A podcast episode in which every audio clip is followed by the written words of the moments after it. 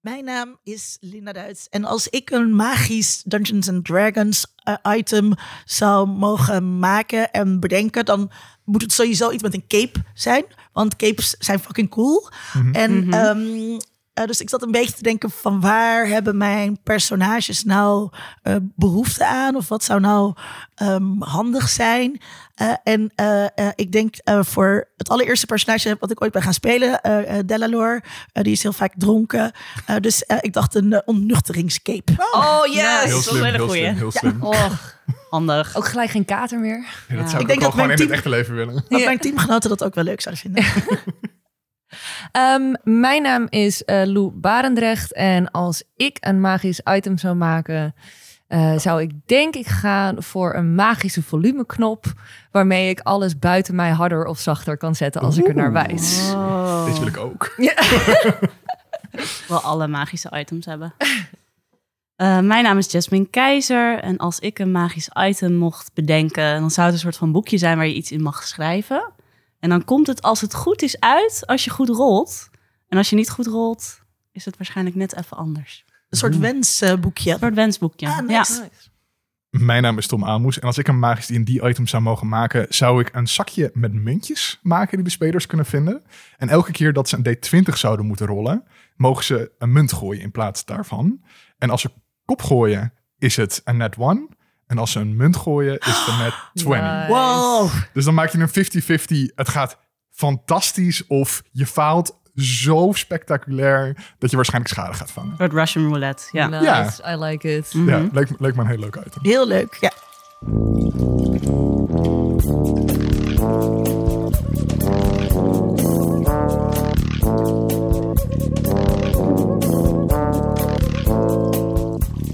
U hoorde ze al. Lou en Jasmine zijn weer bij onze gast. Ze, je had ze eerder kunnen horen bij onder andere onze aflevering over kerstromgrond. Daar was Jasmine bij het gast. Klopt. En eh Lou, jij was eerder het gast bij The Witcher en ook al D&D.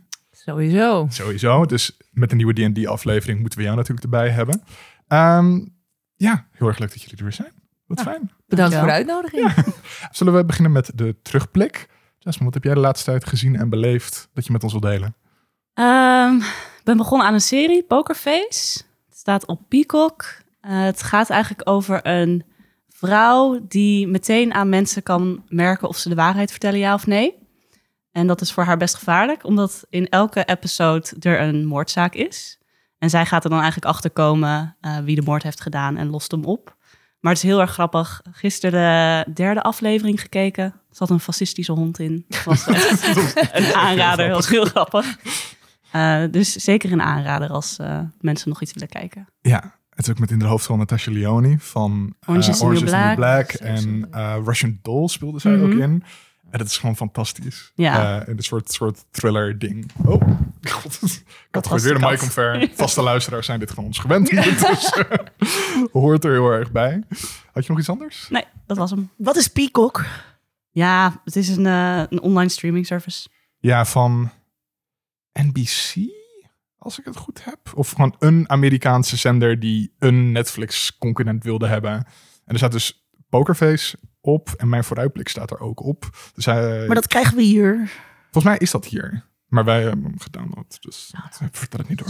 Ah, oké. En Peacock NBC maakt wel sens, want het logo van de NBC is zo. Dan, dan is het Mhm. inderdaad. Ja, ja, ja.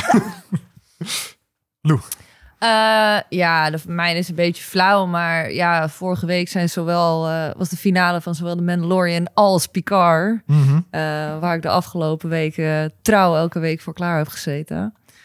Ehm, allebei een aanrader met kanttekeningen. Ik heb er wel extreem van genoten, Ehm, maar ze hebben allebei hun, eh, hun hoogtepuntjes en hun flaws. En als je moet kiezen, wat is de favoriet? Ehm, Oh, dat is zo neerlijk. Sorry.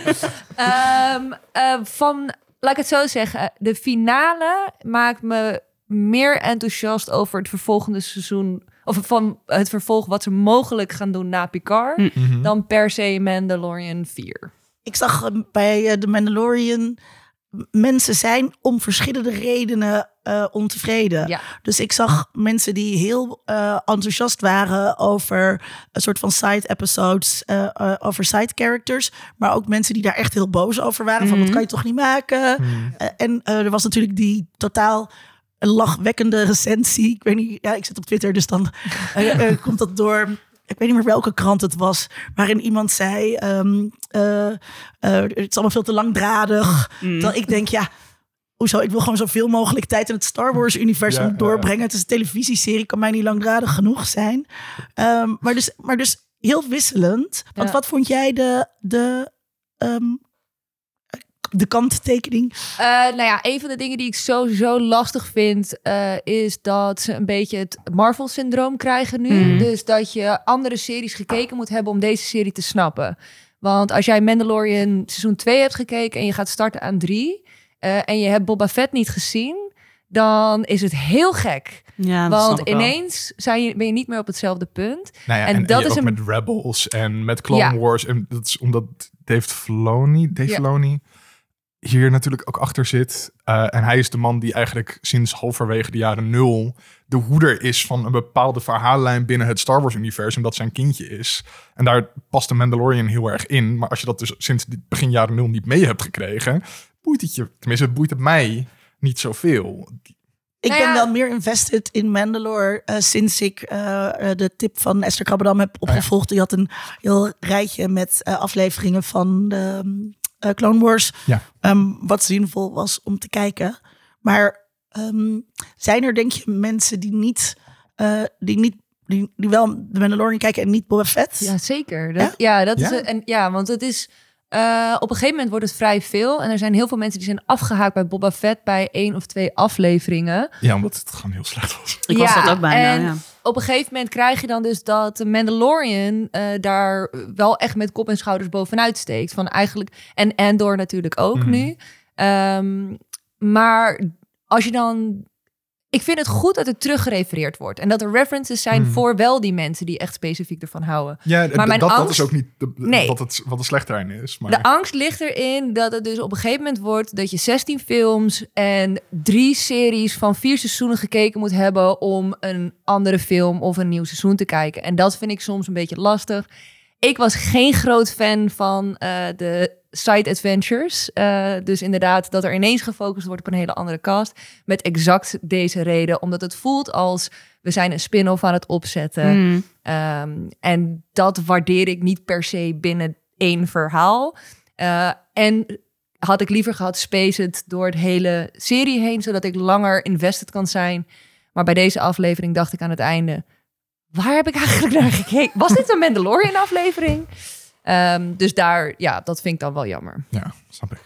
Maar Bo-Katan is badass. Ja. Oh, mag ik? Ja, jij mag. Ehm, eh, sorry, luisteraars. Oh, ja, dus ik heb een verkoudheid op mijn stem en dat wordt maar niet beter. Dus eh, vandaar dat ik er nog steeds zo klink. eh, of opnieuw zo klink. Ehm, ik heb eh, gekeken naar eh, Beef op... ehm, nee, wacht, ik moet eerst eigenlijk beginnen met iets anders.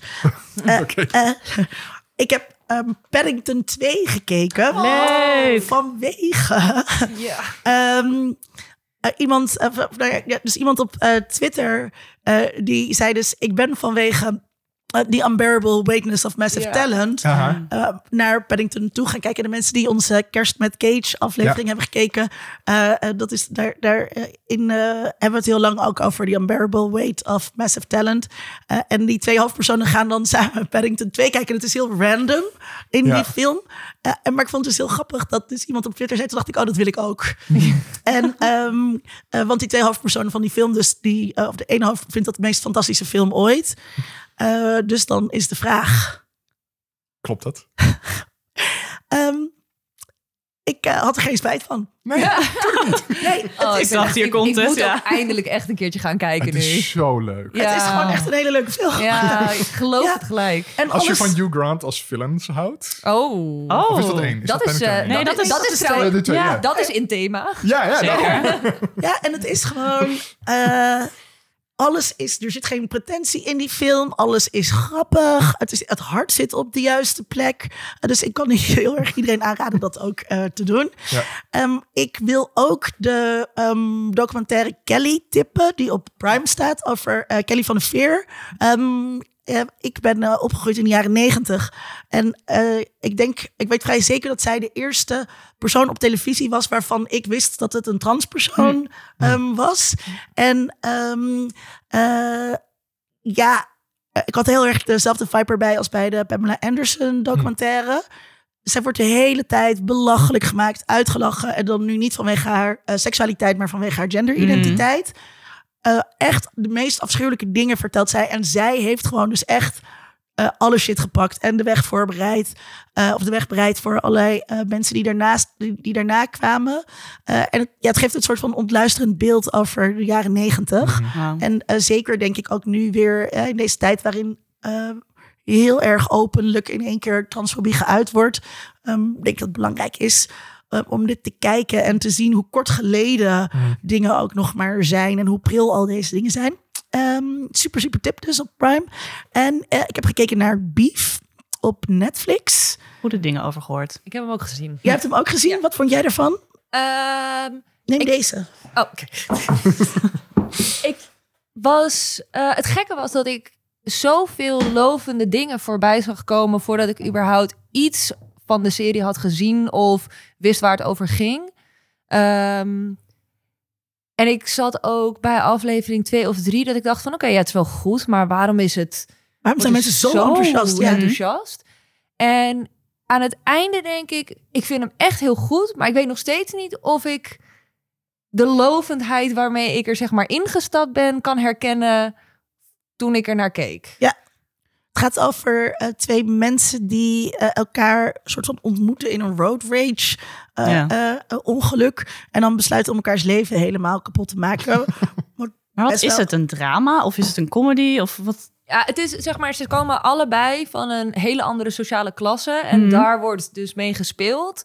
Eh, het is, het ligt heel erg aan de comedy kant met een grote teug drama En een stukje maatschappijkritiek. en maatschappijkritiek. Ja. Maar dat wordt denk ik heel erg in de humor gestopt.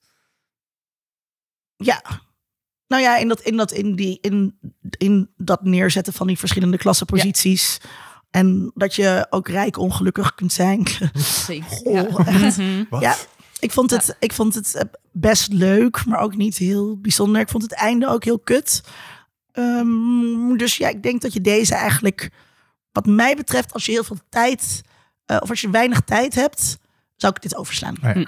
Ik heb sowieso het idee dat we wel een beetje in inflatie leven met de beste serie ooit. Ik zal eerlijk zijn, daar doe ik zelf soms ook aan mee. Maar dat je dan... Dan heeft een serie een heel goed seizoen of een hele goede aflevering. En dan is het... Oké, je moet dit kijken, want het is echt briljant. Want dit en dit zit in. Want Ja. we gewoon, ik bedoel nu het rijtje HBO-shows van het afgelopen half jaar... met The House of the Dragon en Last of Us en Succession en White Lotus. En dat is gewoon elke keer met de nieuwe HBO-serie is gewoon... Die moet je kijken, want het is zo goed. En oh my god, het is de beste serie ooit. is ook wel heel en dat goed. is nu met Beef is het ook weer van... Oh my god, dit moet je kijken. Het is de beste Iedereen is serie. de hele tijd op zoek naar wat is nu de beste serie. Ja, Ah, het mooie van Beef is wel de eh, eh, grote hoeveelheid diversiteit in Aziatische Ja. eh, acteurs. dat is ook met Steven Jen, Ja, toch? Ja. Van de En ehm, dus dat is, dat, ik kan me daarin voorstellen dat het, eh, daarin is het echt heel mooi, Hmm. goed gedaan. Eh, maar ja, dat maakt niet dat je verhaal ook per se. Nee, dat maakt niet iets tot de beste serie. Nee, Oh, nee, niet gelijk de beste serie ooit. Ik heb ervan genoten. Ik zou op zich zeggen, inderdaad, het is ook niet zo'n lange serie. Hmm. Het ziet er ook uit alsof. Ik hoop dat ze hem gewoon als één seizoen houden. En dan denk ik dat hij best, best prima is. Hoeveel afleveringen zijn het? Weinig. Oké. Ja. Nou, dat Acht. valt mee. Denk ik. Hm. Ja. Oh, ja, dan ben ik in de beurt. Ik had er Eh, maar drie. Ja. ja. maar drie. Maar drie. Eh, ik eh, ben eindelijk na 2,5 jaar uitstellen begonnen aan Cyberpunk 2077. Oh, die moet ik ook nog steeds. Ehm, een game die heel erg gehyped is. Ik heb er volgens mij hier ook nog naar vooruit geblikt met... oh mijn god, ik heb er zo'n zin in. Het is de nieuwe game van de makers van The Witcher 3. Een van de beste games aller tijden. En dit gaat hem worden, jongens. Dit wordt zo sick. En toen kom je uit en was het een een technisch drama. Gewoon op de helft van de consoles waarop die uitkwam, draaide die gewoon niet. Eh, als je hem begon te spelen, sloot de game gewoon de hele tijd af. Verdwenen mensen terwijl je met ze aan het praten was door de vloer. Auto's vlogen weg, weet ik veel wat er allemaal gebeurde. Maar die game was gewoon, had niet uitgebracht moeten worden Hoe op dat dan? Hoe moment. kan dit? Eh, vaker uitgesteld, hype, rush, aandeelhouders die druk daarachter zetten. Hmm. Niet geoptimaliseerd voor oudere consoles. De, de hele rij redenen, toch? Dus, Ja, een van de grote dingen is ook dat eh, de developers wisten al heel lang dat dit ging gebeuren. Die konden dit al van mijlenver afzien. Maar mensen hoger op, die zeiden nee, nee, het moet klaar zijn dan. Ja, en dan zeiden zij, ja, dat kan niet. Ja, doe maar toch. Ja, wat krijg je? Een game die crasht. Ja, Dat Maar is dat nu opgelost? dat is nu, de, en daarom heb ik hem nu dus weer opgepakt na 2,5 jaar. Ook na een jaar was het ook al dat mensen zeiden van, je kan hem nu echt wel spelen. Hij is stabiel gemaakt. Ze hebben er echt heel veel werk in gestoken alsnog.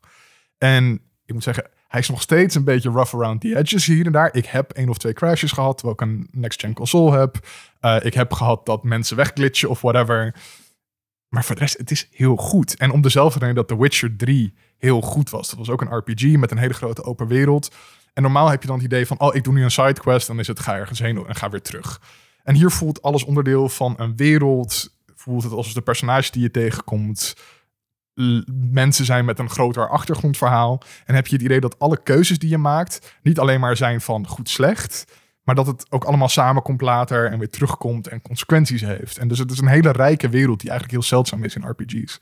Eh, en dat is gewoon ontzettend vet. En het is tegelijkertijd ook in een cy- cyberpunk setting een soort hypermodern Los Angeles met maar, heel dun sausje cultuurkritiek. Het is allemaal gewoon heel erg leuk. Ja, dus nu een tip. Hey, ja, ik, ik, ik, nee, ik herinner me ineens dat er nog één hele grote reden is dat eh, Cyberpunk in eerste instantie de deadlines niet haalde. En dat is eigenlijk de, de reden waarom het ook een eh, zo'n groot succes werd. En dat is Keanu Reeves. Oh ja, tuurlijk. Ja, oh ja, Keanu Reeves. Ja, die heeft gezegd, hey, ik wil in jullie game. En toen zeiden ze, oké. Wat? Ehm, Ja. ja, Keanu Reeves is een van de hoofdpersonages in de game. maar die heeft dus zelf dat bedacht, dat dat een goed idee was. Oh, ik dacht dat het Serieus? andersom ja, was. en het verhaal was dus eigenlijk al... Er was volgens mij al een verhaal geschreven.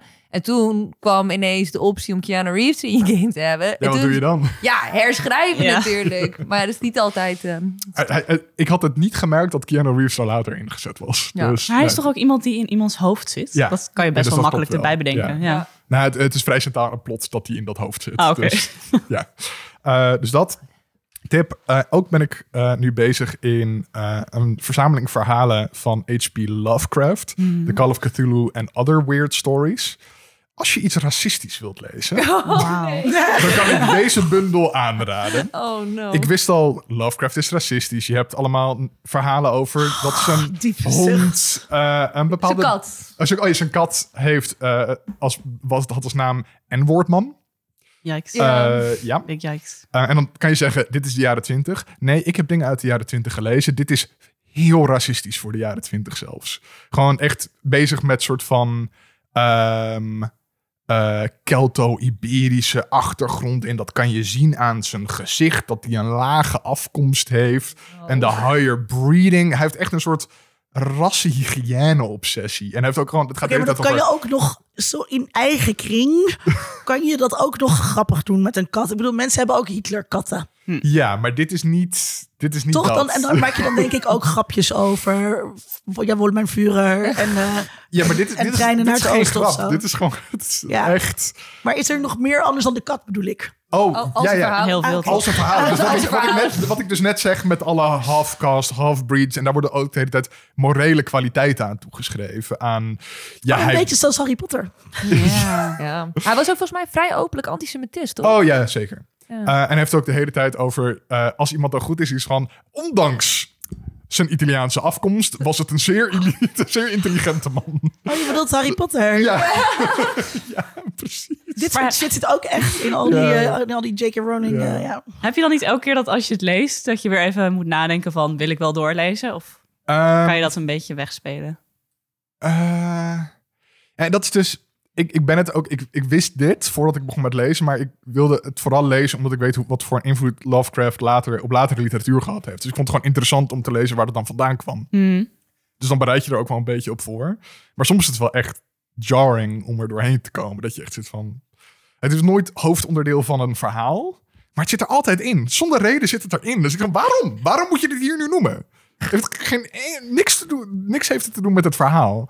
En ehm, je weet dat ik doel ben op, eh, op een vrije betekenisgeving. Want als jij dit leest, denk je dan, eh, ik, ik, eh, ik kan mezelf hier wel tegen wapenen, maar, maar kwetsbare geesten, die lezen dit en die worden dan ook Oh. racistisch, denk je? Nee, totaal niet. Ik bedoel, dit is zo openlijk en zeker voor moderne lezers door de archaïsche, typisch jaren twintig termen waarin hij het vat. Denk ik dat je er bijna niet in mee kan gaan. Omdat het zo ver afstaat. Z- Zelfs hoe moderne racisten over ras denken. Zelfs zij zitten gewoon van, no, niet zo man. Dit Ja. is hem niet. Eh, dus ik denk dat dat helpt. Dat het misschien juist dus ook een soort antiracistische positie activeert. Ja. Eh, en daarnaast, ik snap dat hij de invloed heeft gehad dat hij heeft gehad. Er zitten echt best wel hele goede verhalen, los van het racisme. zitten er hele sterke horrorverhalen in. Het is allemaal heel atmosferisch, heel goed neergezet. Zo'n diepe existentialistische horror. Ik slik hier een uh, natiegrap even in. Ja, dat snap ik, dat snap ik. Oké, nou, genoeg over eh, racisten.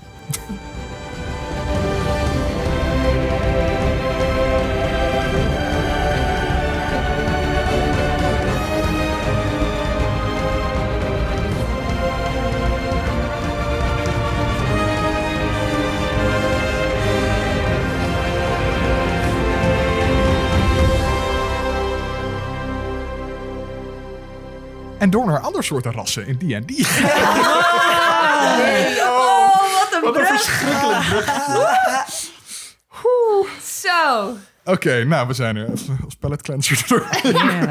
D&D Honor Amongst Thieves. Eh, de eerste D&D film in tijden. Want ik kwam tijdens het onderzoeken tegen dat er eerdere waren. Er zijn Twee- iedereen- ja, 2000 was de laatste volgens mij. 2009 of Maar zo. als je Maar zegt het waren- 2009 nog. Ja, de, direct-to-DVD allemaal. maar als je zegt laatste, dan klinkt het alsof er een hele reeks is. Nee, Ja, het zijn er stuk of drie waren Ja? er. Je- oké, en de TV-show. Niet 19 of Ja, zo. en de tv-show inderdaad in de jaren 80. Ja. Maar de eerste moderne, serieuze, large budget Ja. D&D film. Eh, wij waren er allebei heel hyped over, Linda. Wij waren samen in de bioscoop. Ja, Eh, hoe vond je het? ja ik, ik vond het... eh, ik, ik wist niet zo goed wat ik me erbij voor moest stellen van hoe ze dit zouden gaan doen. Eh, maar ik vond het heel leuk. En de film duurt best wel lang, maar dat merk je niet. Hmm. Het is gewoon één groot avontuur waar je ingezogen wordt met heel veel leuke grapjes voor insiders. Ik weet ook niet of het leuk is voor buitenstaanders, maar dat doet er ook niet toe. Dan word je maar insider. en, ehm, en ja, ik vond het heel vermakelijk en gewoon eh, ja, de vibe van een, van een her- heel herkenbare avonturenfilm. En daardoor had ik ook wel, eh, denk ik, dat toen ik daarna D&D ging spelen, ik me ook net iets meer ehm, beeld had. Misschien is dat gewoon omdat ik een hele slechte verbeeldingskracht heb. maar toen ik toen weer in een, in een dorpje en een taverne was, eh, zag dat er in mijn hoofd dus iets meer uit zoals in de film. Oh, ja. Oh ja, Eh, en daarvoor toch gewoon wat abstracter of zo. ja dat snap ik wel, inderdaad. Jasmine, was het voor jou ook een beetje wat je ervan gehoopt had van een D&D-film? Ja, ik vind wel wel. Ik had wel een beetje het gevoel van... eh, hoe gaan ze dat doen? Mhm. Dus zie je echt inderdaad al die elementen van D&D, zie je die terug? Dus zie je of mensen een D1 gooien of een D20. Nou, dat zag je wel echt, eh, echt in de film. Hoe bedoel je dat je dat terugzag? Dat, dat je kon zien van, oh, hier is een dobbelsteen gerold. Ja, ergens in de writing room. Of... Je had op een gegeven moment moesten ze een brug over. En één iemand vertelde van er zitten allemaal eh, een soort van trappen eh, of traps in die brug. Dus als je erop stapt, verdwijnt die brug. Eh, en één iemand stapt direct een verkeerde kant op. En die hele brug stort volgens mij in. Hij stond met zijn voet per ongeluk er al op. zo, ja, nee, volgens mij deed hij geen eens iets of stond hij er al. Dus dat is gewoon een D1. Gewoon, je kan niks doen om het lot een soort van eh, te verdraaien. Ja, Ja. nee, dus dat vond ik leuk. Ja. En voor jou, eh, Lou, was het ook... Ik had. ehm, ehm, ik was echt super tevreden eh, met de film uiteindelijk. En ik denk dat hij dus wel kan aanslaan bij mensen die geen D&D spelen. En dat het ook een goede manier is om te laten zien... dit is ongeveer hoe belachelijk eh, Een. D&D-sessie gaat. Ja, Ehm, want ik denk dat veel mensen denken van... oh ja, bij D&D zit je met allemaal mensen met tovenaarshoedjes op... die allemaal zeggen, ik ben een tovenaar en ik ben een dwerg. En, en ik denk dat deze film laat zien van... het is gewoon best wel geinig om te doen alsof je een tovenaar bent en gekke spreuken te gaan heen en weer te gaan gooien. Je zegt van de losheid van het spel zit er heel Ik erg denk, in. ja, ik denk dat het echt wel zeg maar kan laten zien eh, wat de iets minder serieuze kant is. Want we hebben die en die gezien in media, zoals bijvoorbeeld in Stranger Things, is het best wel heftig. En Ja, altijd, ja, ja. en Slow ik- motion dobbelstenen over Ja, tafel. En ik ben eh, zelf ook een groot fan van de, eh, de Vox Machina-serie. Mhm. Wat eh, natuurlijk een letterlijke eh, table-to-screen eh, eh, is. En ik denk dat zij het ook al heel goed doen. En zij krijgen die balans ook tussen de humor. Maar het is ook nog steeds vrij serieus. Ja. En ik denk dat deze film echt de lichtheid van, van een beetje de, de gekke tafels... die gewoon willen geinen en niet... Combat is een deel daarvan, maar we moeten vooral grappige dingen doen. Ja. Een aardappel naar iemand gooien. Ja. Ja, precies. Ik vond het ook heel grappig hoe ehm, eh, helemaal aan het begin. eh, eh, ik heb even al die personages namen niet in mijn hoofd zitten, maar hoe hij dan helemaal uitweidt over zijn backstory. Oh, ja, ja. Ehm, ja, want erg je hebt een backstory, die wil je Ja. dan ook gewoon een keer Ja. vertellen. Ja, ja, dat vond ik ook prachtig gedaan. eh. En die, die lichtheid, dat is wel. eh, ja, dat, ja dat had ik, daar had ik eigenlijk nog niet zo over nagedacht dat het zo sterk is. Ja, het is zeg maar zelfs de. ehm, ik bedoel, zelfs de, de, de uiteindelijke enemy is wel engig. Maar het is niet zo van. Oh, het is de hele dreiging de hele tijd. En we moeten spannende muziek. Nee, het gaat over de heroes. En de heroes die verslaan. Het slechte persoon. We hoeven niet te lang uit te wijken over hoe charismatisch de, de enemy per se alleen maar is. En dat vind ik gewoon heel geinig. Ja. Daar hou ik van. En jij, Tom? Ja, dat is heel erg grappig. Ik ben eh, een tweede keer nog geweest met Jasmine ook, eh, nadat ik met jou eh, en Coco en Emiel geweest ben. En het was nog steeds even leuk. Ik zat nog steeds, ik was er een beetje bang voor van, oh, wordt het dan niet, gaat het me dan niet tegenstaan? Want het is ook wel een beetje van, de lichtheid die erin zit kan ook een beetje, van, haha, we zijn zo quirky, lekker, het is Mm, leuk. ja. Ik, ik denk dat sommige mensen hem zo zouden kunnen kijken. dat, het, dat hij denigrerend is tegenover het spel of zo. ja, dat nou, dat niet, maar gewoon dat het te, te jokey. te jokey zou zijn. Of zo. Maar nog steeds, alle grappen landen nog steeds even goed. Ik zat nog steeds gewoon met alles mee te lachen. Ik vond nog steeds, ja, top.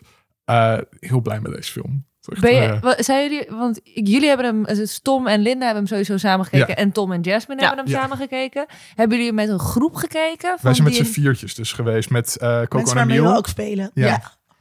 Oké, ja, want ik, wij Jij zijn- was met een hele grote groep, Ja, toch? we zijn dus met een hele, die hele bar waar, eh, waar ik allemaal vri- nieuwe vrienden heb gemaakt. Die allemaal D&D spelen. Ze doen Noem elke de naam zon- van de bar nog even. eh, Armory Bar in, Ja. eh, in, eh, in de pijp.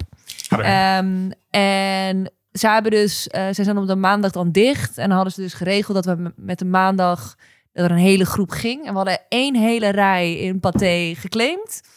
Eh, en er zaten nog een paar mensen achter en voor. En dan heb je dus ook. We hadden echt hardop lachen Ja. in, het, in, in de hele bioscoop. Was het gewoon echt alsof je daar met z'n allen ook bent. En Ja. ik denk dat sowieso als er andere eh, spelers in de zaal zitten, dat je al sneller hebt dat mensen echt hardop zitten te Mhm. lachen. Want je Ja. ziet herken, je herkent zoveel. Ja. Ja, en dat is ook leuk op het moment dat andere mensen dus iets doorhebben. dat je zelf dan ook gaat kijken van... hey, oh ja, dat is Ja. dat dan, of zo. Dat, dat lijkt me inderdaad heel leuk. Eh, want wij zaten in een echt half lege grote zaal van eh Tuschinski. Jij viel tegen, heel Oh. erg tegen op een zondag. echt het weekend nadat het uitkwam. Ehm Nadat we eerst een half uur durend voorfilmpje van Pathé zelf hadden gekeken. ja, jezus. Hebben ze dus een drone shotje dat dan door Pathé eh uh, Tuschinski heen gaat. drie keer. 16 rondjes. Meen je dat? Dat is belachelijk. Maar het is toch mooi? Het is een hele mooie bioscoop, ja, sure. Stap ben dan dat er. je daar een filmpje van Ja, ik ben er. Ik zie het. Ja. Ja, reclame maken voor iets waar je in bent. Dat hoeft Ja, niet. we, zijn, we zijn al binnen. Je hoeft niet te laten zien hoe mooi het is. Ja. Maar het is wel leuk inderdaad dat je dan ook dat gemeenschappelijk inderdaad eh, nog krijgt eh, van de film. Ja, ik raad iedereen aan die hem nog niet gezien heeft en wel D&D speelt, om te kijken met, je- met mensen met wie je speelt. Het is echt zo leuk als je Ja. dan in je eigen eh, groep een keer iets hebt gedaan en dat dat dan terugkomt in de film. Of dat er een bepaalde class of een bepaalde eh, spel naar voren komt. Ik denk dat het wel... Het is wel een film die ik eerder... Ik zou hem nog een paar keer kunnen kijken, maar wel Mhm. altijd met anderen. Ik zou hem niet Ja. zo snel in mijn eentje Nee, gaan dat kijken. snap ik of wel. zo. Nee. Maar wij zaten natuurlijk in de bioscoop en dan kan je niet heel erg praten. Het lijkt mij dus ook wel leuk om hem dan dus thuis te bekijken waar je wel kan praten. Want ehm, eh, ik had bijvoorbeeld eh, eh, Coco zei toen we de bioscoop uitliepen... dat ze het zo leuk vond dat je eh, heel duidelijk kunt zien dat ze level up gaan. eh. Oh, ja. Oh, dat heb ik helemaal niet dat gemerkt. Ik, nee, dat had ik dus helemaal niet gezien. ja. Eh, dus dat lijkt me, ja, dat, dat- Ja. dan is het fijner als je met, z'n- met z'n allen op de bank zit, zeg maar, en er gewoon doorheen kan lullen. Oh, Daar dat zou- Scorch dat zou-. Ja, maar dat zou ik ook inderdaad. Daarom, ik wil hem ook nog echt een keertje kijken. Mm. Maar hij is, ja, want eh, het is wel dat hardop lachen dat je elkaar en dat ik ook ineens me omdraaide omdat eh, mijn eh, Dungeon Master uit een andere groep zat achter me en ik een soort van, hey, Ja, ja, ja, ja, ja. dit herkennen we. Ja. Eh, maar inderdaad, ik miste ook die momenten dat je kan daarover kan sparren of zo, dat je bijna denkt, ik ga hem op pauze zetten en Ja, ik wil ja. erover kletsen. ja, van wat is dit? Ja, leuk. Oh, dat moeten wij ook doen. Oh, ik ga mijn DM vragen of dat mag. Kan ik in een Owlbear? Ja.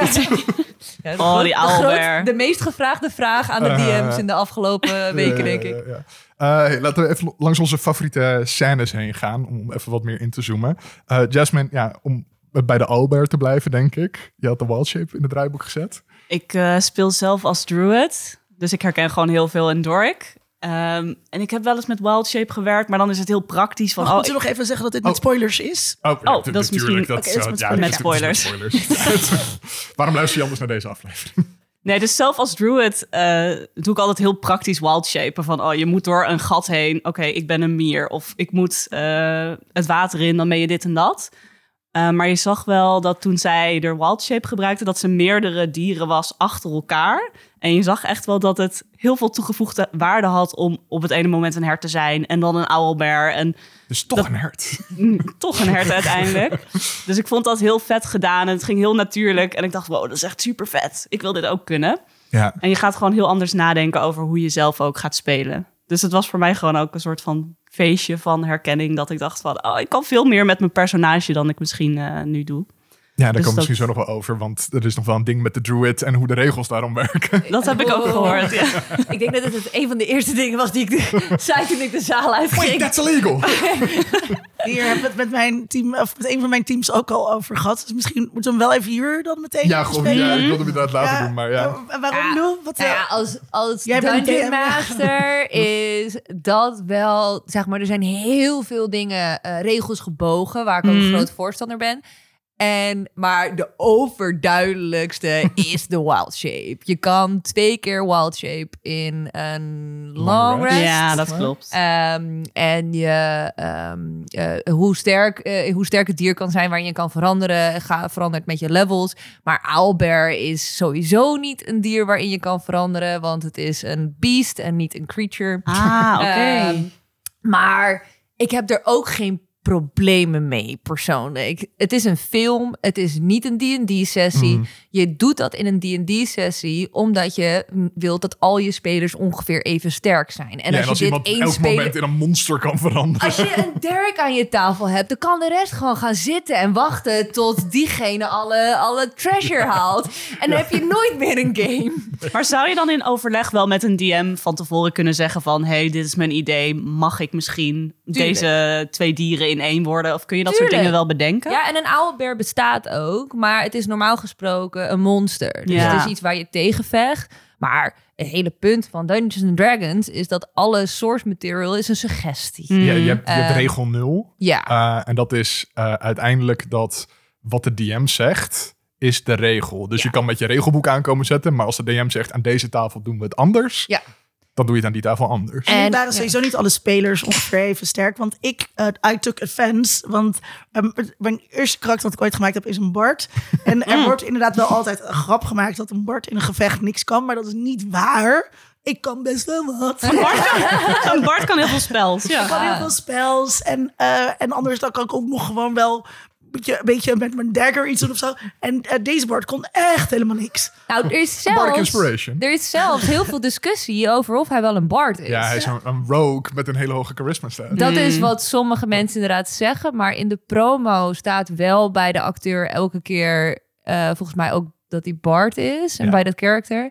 Eh, maar hij lijkt meer... Hij gedraagt zich meer als een rogue dan als een Bard. Ja. En eh, ik heb eh, toevallig eh gisteren nog een Bard gespeeld in een one-shot. Hmm. En Bards zijn super sterk. Ja, ik heb super sterk. Wil ik ook niet nou, je zeker. Ik heb, ik heb in, een, in, mijn, in een andere groep eh, waar ik DM, eh, die hele party leeft door de Bard Omdat dat de enige is Dank die u. constant blijft helen. en constant ervoor zorgt dat ze in een positieve positie staan. Dus Dank het- u. Ja. Support characters worden ook gezien op deze podcast. Ja. Ja. ja, ik las ook in een interview met de regisseurs dat ze ervoor gekozen hebben om eh, een wat strakkere rolverdeling eh, te maken tussen de classes. Dus dat ze sowieso hadden gekozen om geen healers te hebben, omdat ze dat voor in een film onhandig vonden. Dus er moeten consequenties zijn voor als je pijn hebt of whatever. Dus moet er geen healer zijn. En dan los je En- dat op met een soort van amulet. Wat Ja, iemand dus gewoon... dan, dan, dan Ja. doen ze dat, want anders had kan iemand die spel ja. kunnen hebben. Ja. En, en ze hebben dus ook ervoor gekozen om met magiegebruik eh, dat alleen op sorcerers en wizards eh, Ja. te doen en bij andere klasses weg te houden om het wat duidelijker te houden dat onderscheid tussen casters en niet-casters. Dus daarom hebben ze dat op die manier gedaan. Dat was volgens mij de overweging. Ja, ik denk inderdaad op zich voor de, de leesbaarheid van de film voor niet-D&D-spelers dat het oké is. Maar ze hadden de Bart wel ook een keertje mogen laten zien dat hij wel echt speelt. En niet dat het dan ook nog eens een illusie is. Ja, ja, ja. Maar dat hij echt laat zien wat hij kan. Ja. Maar ik moet zeggen, er zijn een paar momenten dat ik achteraf denk... ehm, hij gebruikt wel daadwerkelijk spels. Oh, wat dan? Eh, en één is na mijn favoriete moment. Oh, nou, zullen we Eh, daar dan om eh, daar even in te fietsen. Wat een Het is de lekker aflevering- bruggetje. Het is de aflevering van de bruggetjes. Ja. Ik bedoel, in, in, de, in de film breekt hij gelijk, maar hier houden we de brug. Ja. Ehm, maar op het moment dat Holga naar haar eh, ex-partner gaat... Nou, dat is toch wel echt een van mijn favoriete momenten. Waarom? Omdat ik ervan hou als characters worden geschreven met een soort van dualiteit. Waarin ehm, er altijd iets is wat de totaal counter of zeg maar in contrast staat met de rest. En dat zij dan daar als hele stoere, echt wel indrukwekkende vrouw komt ze dan binnen. En dan ontmoet ze er Haveling. En dat is toch wel, ik denk, de leukste surprise in die hele film geweest voor mij. Dat het Bradley Cooper is. Als Oh. Haveling Een in een hele Bradley grote Coopertje. stoel. Ik wil ook dat hij stews voor me maakt. En een kruikje in mijn bed legt. En Zo'n wholesome, leuk moment. Dat ik ook denk, het past ook goed bij hoe Haveling Mm. zijn. En eh, ik vond het zo mooi. Ik vond het zo leuk gedaan. Ehm, maar zij gaat op een gegeven moment naar buiten. En ze is natuurlijk best wel even overstuur. Want ja, En nog leuker aan die scène is dat dan zijn nieuwe vriendin Ja. en die best wel net zo indrukwekkend is. hetzelfde. Nog even een kop boven haar uitsteekt. Ja. Het, het is altijd raar als eh, eh, iemand een nieuwe verkering neemt en die lijkt exact op de vorige Maar, verkering. maar dan Aha. ook nog een soort van 2.0, want iemand is nog groter. Ja, dat doet pijn. Ja. Dat doet pijn, ja. Dus hoe kom je dan naar buiten? Met welke emotie? Boosheid. Woede, frustratie, vooral met haar. Berouw kan ook. Berouw. Nou ja, ze is een barbarian. Over het algemeen staan ze bekend voor rage. En op het moment dat ze dus op een paard zitten, dan gaat hij een liedje voor haar zingen. Klopt. En heel veel mensen zeggen dat hij daar misschien calm emotions Ah, eh, dat dat een spreuk was. Ja. Eh, Ah. Hij doet ook een paar keer eh, zingen vlak voordat ze een, een, een fight ingaan. Waarvan mensen zeggen, oh, misschien is dat dan een vorm van bardic inspiration. Mhm.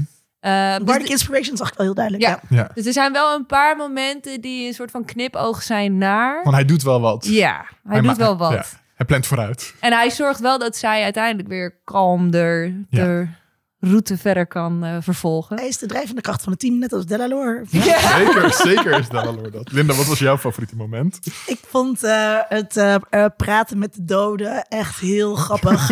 en er zit een soort Monty Python-achtige humor Mhm. eh, eh, in. En ja, gewoon, eh, je ziet hem al bijna aankomen. Je mag vijf vragen stellen. en dat zijn dus, en ja, ik bedoel, iedereen die een oudere broer heeft. Eh, die, die weet dat dit soort spelletjes zal gaan. Eh, met, weet je, dat, je, dat je vragen eerder, net als dat, hè, mag, ik, mag ik wat vragen? En dat dan eh, eh, een boemer op straat zegt, nou, dat heeft u al gedaan.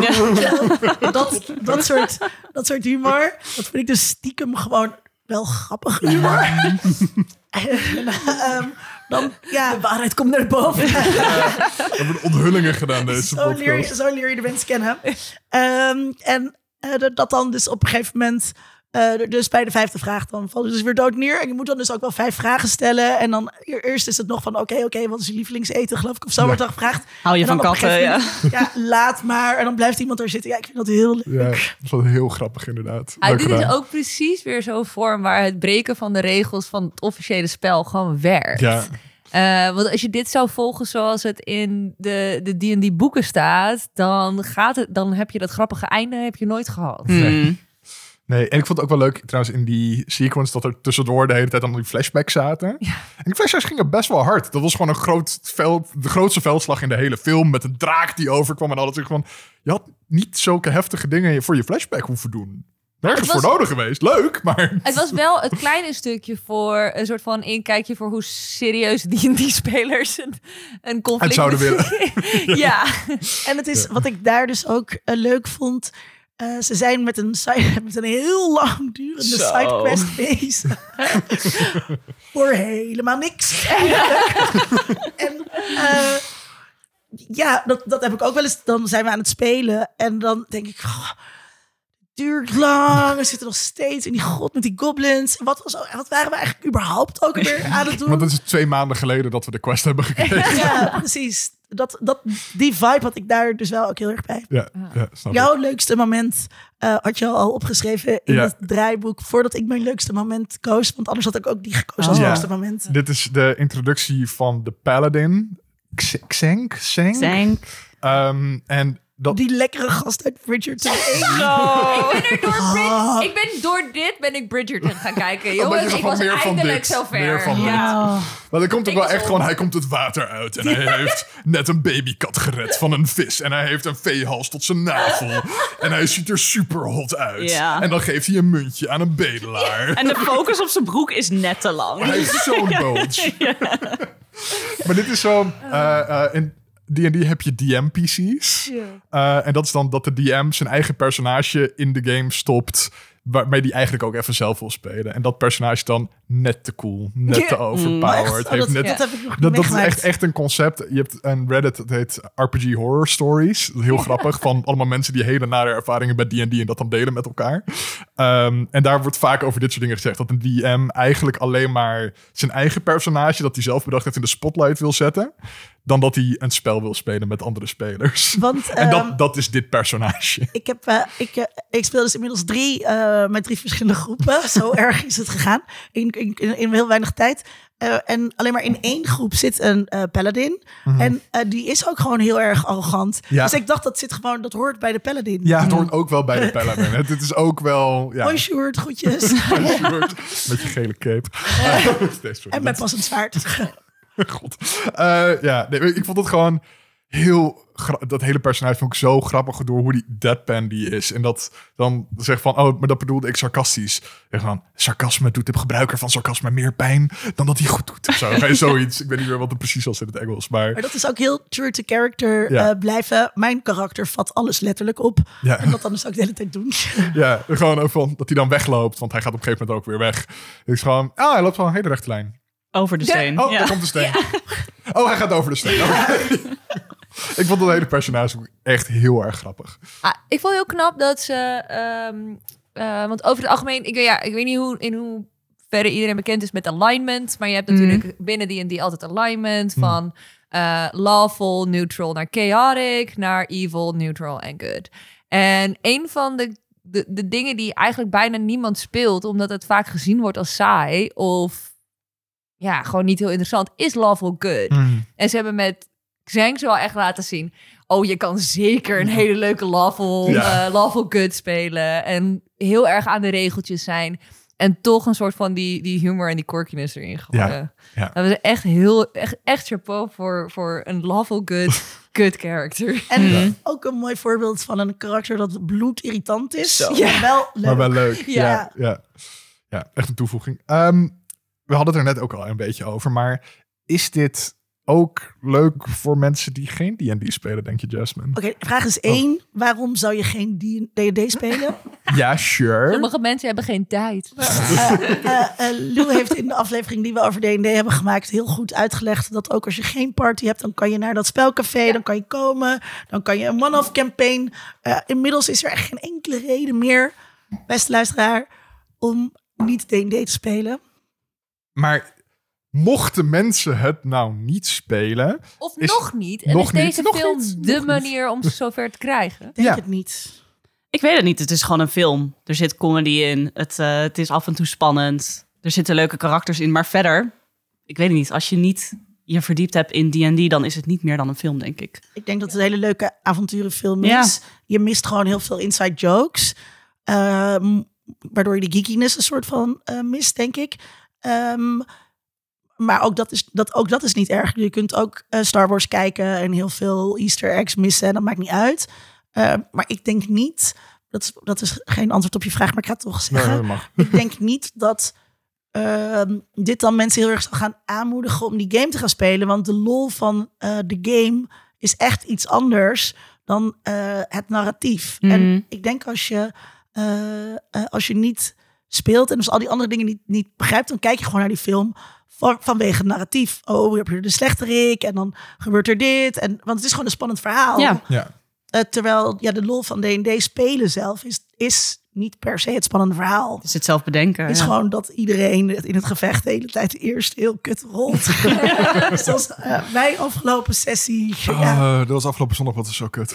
ja, dat is echt Maar ook, maar het was heel kut, maar ook daarmee een van de leukste gevechten die we ooit hebben gespeeld. Ja. Maar dat is ook wel het andere perspectief, denk ik, wat D&D dan brengt. Is dat gewoon in een film er altijd een soort van climax is. Er is een confrontatie en het komt uiteindelijk wel goed. Terwijl met D&D kan het heel erg fataal misgaan. Ja. Dus je weet gewoon nooit echt wat het gaat brengen. En dat is wel, denk ik, het leuke aan D&D. ja, het verschil natuurlijk met zo'n film dan Ja. eh, inderdaad. Ja, wat, wat hoop, hopen jullie dat er een, een vervolg komt? De. Eh, nou ja, ik volg het nieuws. Ik, ben, ik heb trouwens wel een andere mening hierover. Want ik denk Oh, wel ja, dus dat het heel positief effect gaat hebben op spelers. Ja? Eh, want dat heeft alleen al het benoemen van Dungeons and Dragons in Stranger Things gedaan. Oh, ja. Ehm, en het ja, want we is- zitten nu echt in een soort renaissance van ja, en ik eh. denk het feit alleen al dat die naam zo eh super groot overal staat. Dat dat alleen, dat als iemand dan misschien zo'n boek een keer ziet staan, er toch wel eerder voor kan kiezen. En het idee, je kan in dieren veranderen? Wow, Sick. cool man. Eh, zie ik ook wel de een en ander misschien het gaan proberen. Maar ik weet niet of we er extreem veel fanatiekelingen uit krijgen. Maar misschien wel een paar nieuwe Maar het zit van, nou, ga ik en het toch wel een daar keertje proberen. Ja. Mm. Ehm, qua vervolg ben ik eh, meer benieuwd naar een potentiële serie die ze willen maken nu. Eh, over Drist. Ehm, dat is een van de bekendste ehm, characters uit de boeken. Er zijn ook eh, eh, de- allemaal... Degene die Forgotten Realms heeft bedacht... Mhm. die heeft ook allerlei boeken geschreven. Dus En Forgotten Drist- Realms is de setting waarin Ja. D&D zich plaatsvindt normaal. waar ook Ja. de film eh, Ja. zich plaatsvindt. Ehm, en hij is een drow, dus dat is een van de eh, stereotypen. eh, initieel gezien, soort van slechte dark elves. Ehm, een beetje veranderd ondertussen, Mhm. want het is nu een playable race. Eh, maar eh, het volgt zijn verhaal naar dat hij van de Underdark naar, eh, naar boven gaat. En ze willen nu misschien over hem een serie maken. En ik denk Ja. dat dat ehm, een, een, een groot plek kan geven in de lore van de wereld waar Mhm. D&D zich in afspeelt. En dat dat voor heel veel spelers ehm, en gewoon fantasie fanatics eh, een hele interessante serie kan zijn. Of ze per se van deze film met deze characters een nieuwe film moeten maken, ik denk het niet. Persoonlijk. Ik weet het niet? niet. Ik vind de characters niet per se allemaal even goed uitgewerkt. Ze Hmm. zijn Hmm. vrij vlak. Dit is Het- pas de eerste sessie dat ze samen speelden. ja, maar ze zijn dus al vrij overpowered dan voor een, een eerste paar sessies. Ehm, ik zou denk ik het leuker vinden als ze een soort van cameo's zouden zijn. Dat zij een soort van de NPC's worden in misschien iemand anders verhaal. Ja, dat Ja. snap ik. Eh, dat Ja. je dus een andere groep volgt en dat je ze tegenkomt als... Maar dat het gewoon in dezelfde wereld elke keer is, maar wel andere verhalen. Ja, dat je ook ziet hoe verschillende parties eruit kunnen zien. ehm, in plaats van te veel focussen op één party. Maar ik kan ook... eh, ik, zou, ik ga wel nog een keer. Als, er, als er een nieuwe komt, dan ga ik wel. Ik vond het heel leuk dat ze in, eh, in de arena, eh, dat er een andere party was. Met dan precies hetzelfde idee van een party. Dat, dat wel personages die niet goed bij elkaar aansluiten. Ja, je weet, je weet waar die eh, reference naar is, toch? Ik Heb je, heb dat- het gehoord? Ik heb het Dat- gehoord, ja. Ja. Ze Ja. zijn Ja, de- letterlijk een kopie van, de, van die serie uit de jaren tachtig. Oh. Eh, en dat vind ik dus grappig, want dan hebben ze dus eigenlijk de characters van een oude serie NPC's gemaakt in de party. Dus dat kunnen ze weer doen, Ja. Maar ehm, ik vond dus, wat ik net zei, dat eh, dankzij het we kijken van deze film, die eh, wereld die dus eigenlijk, die ik zelf moet bedenken als ik aan tafel zit te spelen, eh, wat meer is gaan leven. En eh, dat vond ik nu fijn, maar ik denk dat ik dat dus ook heel jammer zou vinden als ehm, mijn verbeelding dan de hele tijd ingekeurd blijft worden door de dingen die ik al in de Mhm. film heb gezien. Snap je wat ik bedoel? Ja, snap ik wel. ik, ik vind het nu wel leuk. Een paar van de eh, campaigns die ik DM en speel eh, zelf, spelen zich af in de buurt van Neverwinter. Dat is gewoon de, de starter kit. Eh, eh, het starter kit avontuur is het avontuur. Dat, het speelt in Vandalin af en dat is een dorpje in de buurt van Neverwinter. En het avontuur start in Neverwinter en dan gaan ze daarheen. Ik vind het heel erg leuk dat ik nu Neverwinter gezien heb. Ik hoef niet per se dat die starter campaign ook nog weer verbeeld te zien en Vandalin, te te zien. zien. En dat, dat, niet. Ik hoop dat ze daar wegblijven. Eh, en meer voor de grotere, bredere strokes gaan dan hele specifieke dingen die mensen ook al kennen en doorheen gespeeld hebben. doen. Ja. Ik denk ook dat het lastige is als je bijvoorbeeld deze party zou blijven volgen en je wil realistisch blijven aan de game. eh, ja, op een gegeven moment ben je gewoon een soort van god als, Ja. als speler. Ja. Eh, als jij op een bepaald level komt, ga je naar andere planes, dimensies. Ja, dat is, ik weet niet of dat... Clerics of paladins krijgen vleugels op een gegeven moment. Ik, ja, ik heb ook al een ASMR-character die ja, vleugels heeft. eh, vals spelen.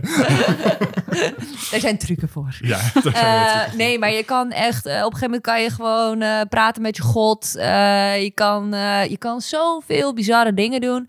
En ik denk dat dat soort dingen inderdaad beter zijn... om gewoon in mijn, mijn eigen verbeelding te houden. Hmm. En ik hoef dat niet per se uitgebeeld te zien, inderdaad. En ook al die plekken. Ja. Ik vind het leuk dat ze een plek hebben gekozen. Maar ja, moet je per se de hele Forgotten Realms... Nee, je wilt het zelf kunnen invullen. Ja, En Jasmine, wat wil jij van een sequel? Mm, voor mij hoeft het ook niet per se. Nee, ik vond Nee? het gewoon heel leuk voor één keer. Ehm, Hoe, hoe lang speel jij al? een jaartje, denk ik. Anderhalf?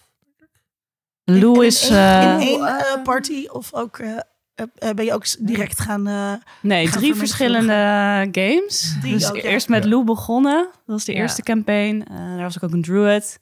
En ik moet ook wel zeggen, omdat ik daar een hoger level heb bereikt... dan is het op een gegeven moment ook gewoon veel leuker... omdat je veel meer kan. En je weet ook beter wat je karakter wel of niet doet. Dus je kunt je wat beter inleven.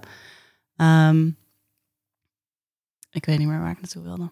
over Andere- de verbeel- andere dingen die je verbeelding En het, eh, Oh ja. sequel. Nee, ik weet niet meer. oké.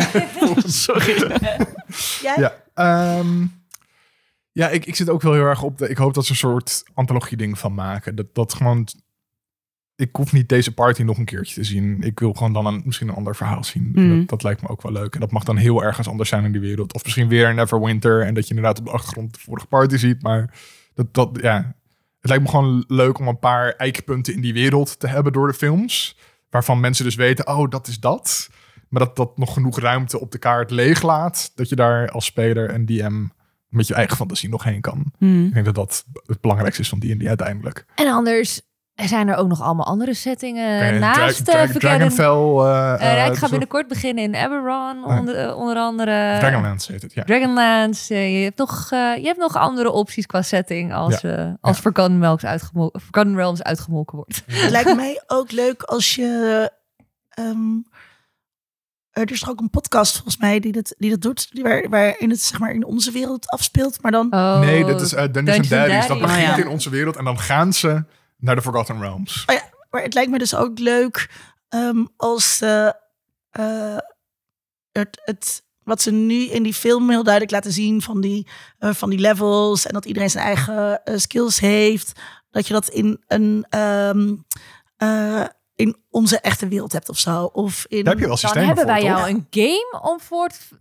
Disco Elysium. Oh Oh ja. Is zo Als je, leuk. als je een, een, een digitale versie van zoiets wilt, eh, wat je in je eentje kan spelen, wat fantastisch is, waarbij de computer nog steeds het DM voor je is, Disco Elysium. Fantastisch. Eh, Echt. bijna dezelfde eh, setup, worden zelfs dobbelstenen voor je gerold. Oh. En Ja. dan speel je het, een, een, eh, een, een, ja, een politieagent. Ja. En veel meer weet je nog niet aan het begin. Ja, is hij zelf ook niet. Hij zelf ook de- het Dat personage in de game ook niet. Dat is het Eh, hele maar ding. dat is dus inderdaad onze wereld. Eh, heel mooi met, te- met eh, een soort soort van... impressionistische schilderstijl is die Ja. game gemaakt. Het is echt fantastisch. eh, Maar ik, ik zou dus maar willen zeggen, ik hoop dat ze dan dus veel creatiever aan de slag gaan met het idee van eh roleplaying.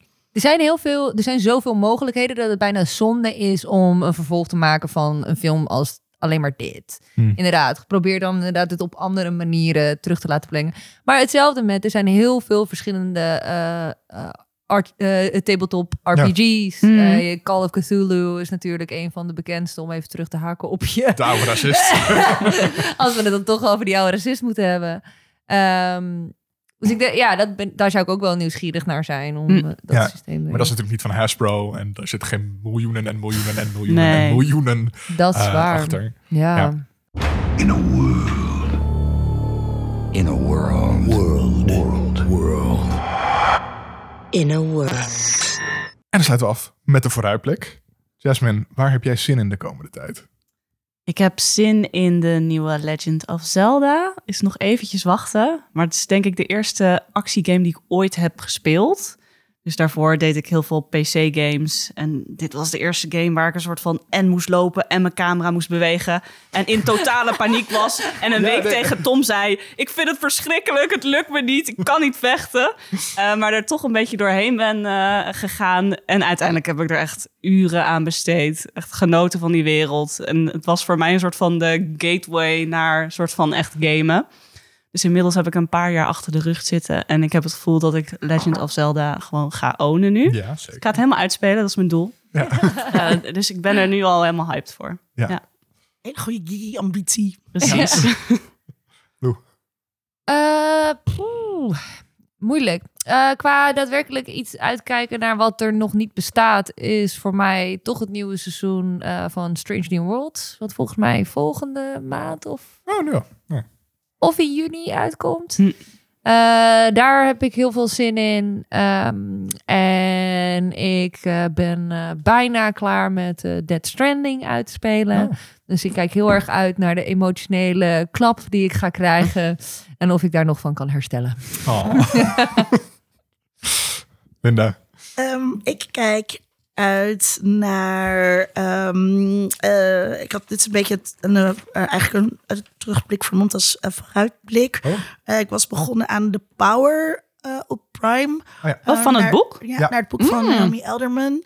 En ehm, ik kon er maar heel moeilijk inkomen. Ik heb dat boek gelezen. Ik vond het boek heel vet Mhm. eh, toen.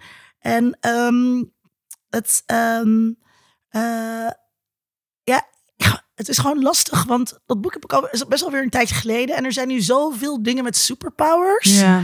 eh, op, op tv dat ik een beetje daar zat. Oh, dan heb je weer superpowers. Maar uiteindelijk eh kikte toch het feminisme in. En eh, eh, was ik er weer helemaal bij. En ben ik ook heel benieuwd hoe het nu weer verder gaat. Want dat vind ik dan ook altijd wel weer raar. Ik ben dus ook wel het plot van het boek eigenlijk weer vergeten. ja, ik weet het ook niet zo goed. Ja, maar het was ook, het, het was heel erg, je had allemaal verschillende personages die je volgt. Het was heel los allemaal. En was het überhaupt een superpower? Of was het meer gewoon iets wat je soort van overkwam en wat... Ja, het overkwam je, maar het was wel, het was wel een su- superkracht. Ja, het is dus. ehm eh, schors, dat is. Nee, dat is een ja, nee, dat ga ik niet zeggen. Nee, dat kan ik niet zeggen. Oké. Ehm, en, oh, en waar ik ook eh, eh, zin in heb. Mhm. eh, dat is ook een terugblik vermomd als, als Alweer. vooruitblik. Eh, ik was naar de Super Mario Oh, Brothers ja. Ja. film. En eh, ik probeer nu niet in mijn stem mijn emotie door te laten klinken. Nee, ik merk niks van wat je over deze review film voor vindt. uit te lopen. Want ik heb heel veel zin om naar bonuscontent af te maken met jou, Tom. Dat gaan we zeker doen, want ik moet hem zelf nog zien. Dus daar moeten we nog even op wachten. Ja. Maar eh, dat ga ik zeker doen. En dan hoort de Ik kan de luisteraar luisteraar over- horen ik dit een leuke film. Nou, Houd ons hart vast. Oké. Eh, zelf kijk ik heel erg uit naar Oxenfree 2, Lost Signals. En dat is het vervolg op Oxenfree. En dat is een indie game van een paar jaar terug. Dat volgens mij eigenlijk eerst alleen op telefoons uit was gekomen. Maar het was een heel mooi, verrassend, emotioneel, rauw verhaal. En ik weet dus niet zo goed meer waar het over ging. Maar ik weet alleen maar dat het heel mooi was. Dat het eh, eh, eh, hele mooie artwork had. Dat het een, een verhaal was. Dat het heel emotioneel was. En dat ik dus heel erg benieuwd ben naar twee. Om weer in die wereld gestort te worden. Dus daar kijk ik naar uit. En Het had komt- ook ver- verschillende uitkomsten volgens mij. Want wij Ja. hebben hem allebei gespeeld en allebei, allebei een heel, een ander, heel verhaal. ander verhaal. Dus Ja. dat is ook wel leuk. Als je Ja, van dus je hebt heel houdt. veel keuzevrijheid erin. En het eerst was dus een mobiele game meer, die later op andere platforms is uitgekomen. En deze is echt ontwikkeld met het idee dat hij op PC en consoles uit gaat komen. Dus ik denk dat die ook nog wat mooier en groter Hm. eruit gaat zien. Dus daar ben ik ja, gaan hypen. Leuk. Dit was aflevering 117 van Geeky Dingen. Heel erg bedankt aan Lou en Jasmine dat jullie er waren. Super fijn. Thanks. En zoals altijd ook heel erg veel dank aan Linda dat jij er ook weer was. Jij ook, dank voor de strakke Ach, leiding. dank je. Eh, dit, dit. Oh, eh, nee, dan moet ik natuurlijk nog oproepen dat je eh, deze show ook kan steunen. Dat kan via Patreon, vriend van de show, stellen we op prijs. Kan je bonuscontent luisteren. Super Mario Bros. komt er binnenkort aan. Dit was Geeky Dingen.